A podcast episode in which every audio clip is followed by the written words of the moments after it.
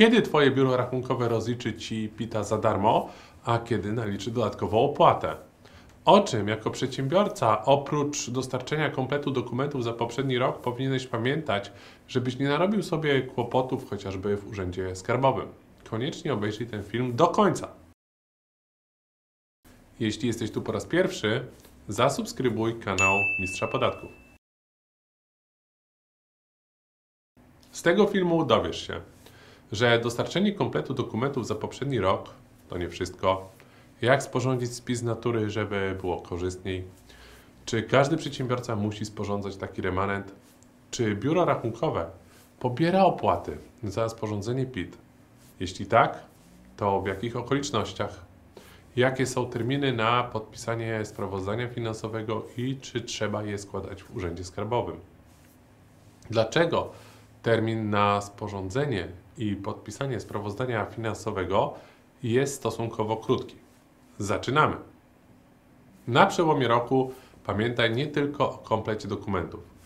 Jeśli oglądałeś mój poprzedni film, to wiesz, jak nie narazić się na niepotrzebne wydatki w związku z zamknięciem roku podatkowego przy współpracy z biurem rachunkowym.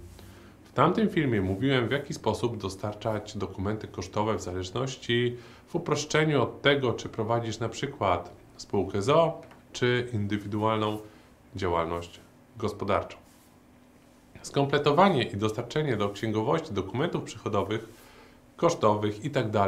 to nie jedyny obowiązek przedsiębiorcy na przełomie roku. Pod kątem współpracy z biurem rachunkowym, oczywiście. Przy współpracy z biurem rachunkowym powinieneś również być świadomy obowiązku sporządzenia spisu z natury, domówienia z księgowym szczegółów w sprawie Twojego rocznego zeznania podatkowego i ewentualnie sprawozdania finansowego. Omówmy po kolei te kwestie. Spis natury, czyli remanent na 31 grudnia.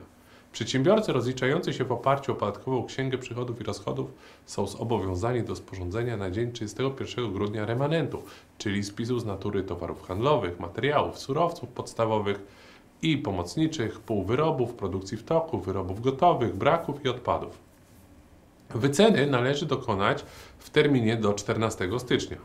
Co istotne, przedsiębiorcy, którzy nie prowadzą działalności handlowej, produkcyjnej lub nie wykorzystują w swojej działalności materiałów w celu świadczenia usług, np.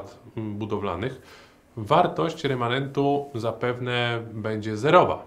Niemniej, mimo zerowej wartości spisu z natury, i tak należy go uwzględnić w podatkowej księdze przychodów i rozchodów. Innymi słowy, jeśli wartość Twojego remanentu jest zerowa, to i tak musisz go wykazać. W razie prowadzenia działalności handlowej, produkcyjnej lub takiej, w której wykorzystywane są materiały do wykonania usługi, np. budowlanej, należy wykazać w spisie z natury m.in. towary i materiały, które były na stanie firmy na dzień 31 grudnia. Wyceny dokonuje się w oparciu o cenę zakupu lub cenę nabycia. Podpowiadam, że w większości przypadków korzystniejsze jest sporządzenie spisu z natury według cen zakupu, względem sporządzenia go według cen nabycia, ze względu na niższą wartość remanentu sporządzonego według cen zakupu. Tym sposobem na koniec roku mniejsza kwota, mówiąc potocznie, wyleci Ci z kosztów. Czasami wycena może być dokonana na podstawie cen rynkowych, jeśli są one niższe od ceny zakupu lub nabycia. I to też podatkowo jest korzystne.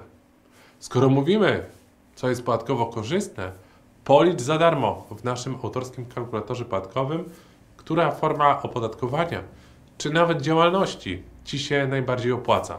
Link w opisie. W razie gdy sporządzenie spisu z natury Ciebie dotyczy, poproś księgowego o jego wzór. Księgowy powinien być pomocny przy wypełnieniu takiego dokumentu od strony formalnej, jednakże pamiętaj, że to Ty wiesz, co jest na stanie firmy.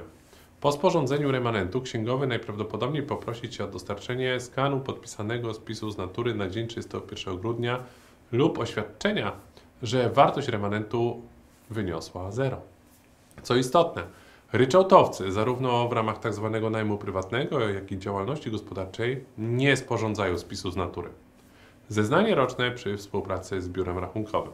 Sporządzenie i elektroniczna wysyłka zeznania rocznego są zazwyczaj w cenie usługi biura rachunkowego, o ile składają się na nie wyłącznie elementy wynikające z umowy o świadczenie usług księgowych.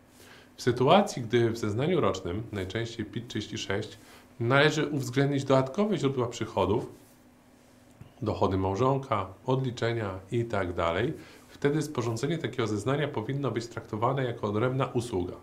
Jej koszt zapewne będzie uzależniony m.in. od liczby formularzy PIT-11, typów ulg oraz potrzebnych nakładów pracy. Pragnę zwrócić Twoją uwagę na dość skomplikowany sposób rozliczenia zeznania PIT-28, jeśli jednocześnie prowadzisz działalność gospodarczą opłatkowaną ryczałtem i rozliczasz najem prywatny.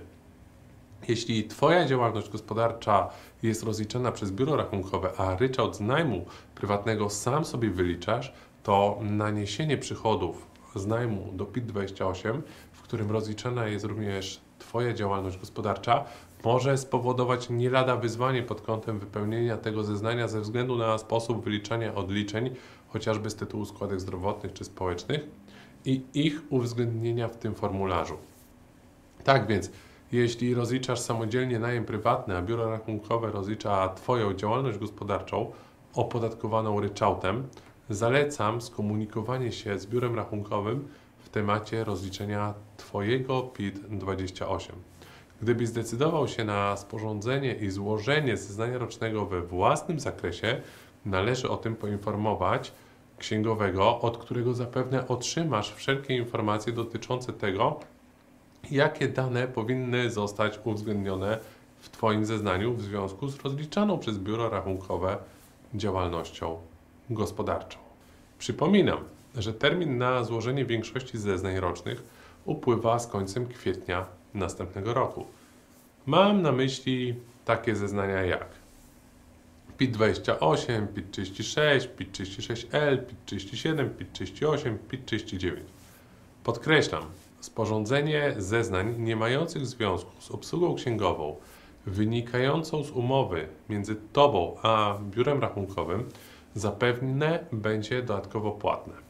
Jeśli chodzi o termin na złożenie zeznania rocznego w przypadku spółek ZO i innych będących podatnikami CIT przypada na koniec trzeciego miesiąca roku następnego. Jeśli rok podatkowy spółki kończy się w grudniu, wtedy termin na złożenie zeznania rocznego CIT 8 w przypadku spółek na zwykłym CIT, CIT 8E w przypadku spółek na estońskim CIT jest do końca marca następnego roku.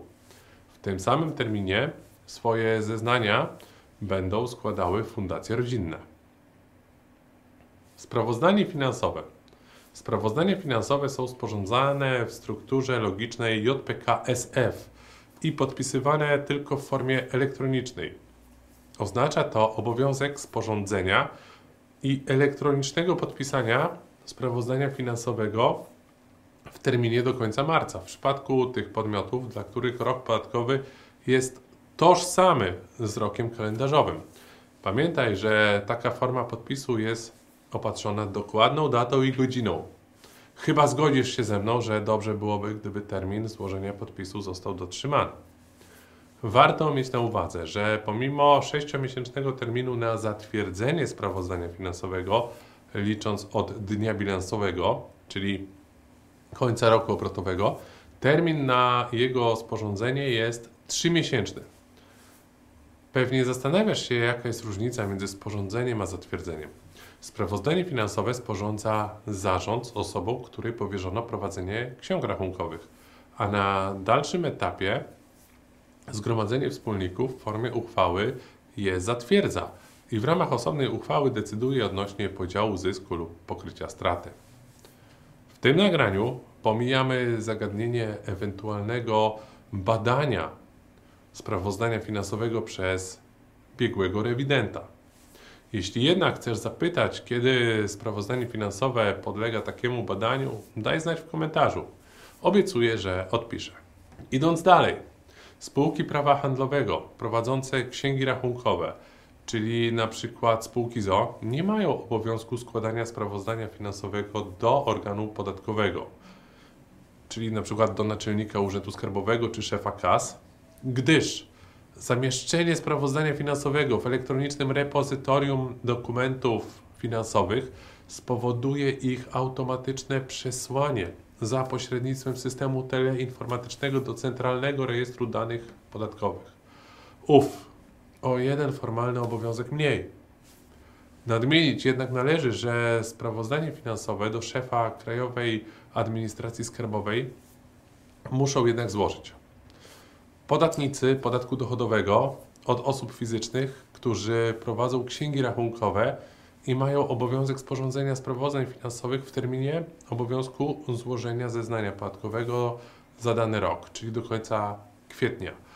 Mowa tutaj o przedsiębiorcach prowadzących indywidualne działalności gospodarcze oraz jako wspólnicy spółek cywilnych oraz podatnicy podatku dochodowego od osób prawnych nie wpisani do rejestru przedsiębiorców KRS, którzy mają obowiązek sporządzać sprawozdanie finansowe w terminie 10 dni od zatwierdzenia sprawozdania finansowego. Mowa tutaj m.in. o fundacjach rodzinnych.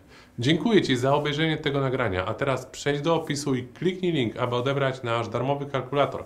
Pozdrawiam Cię serdecznie. Marek Golec.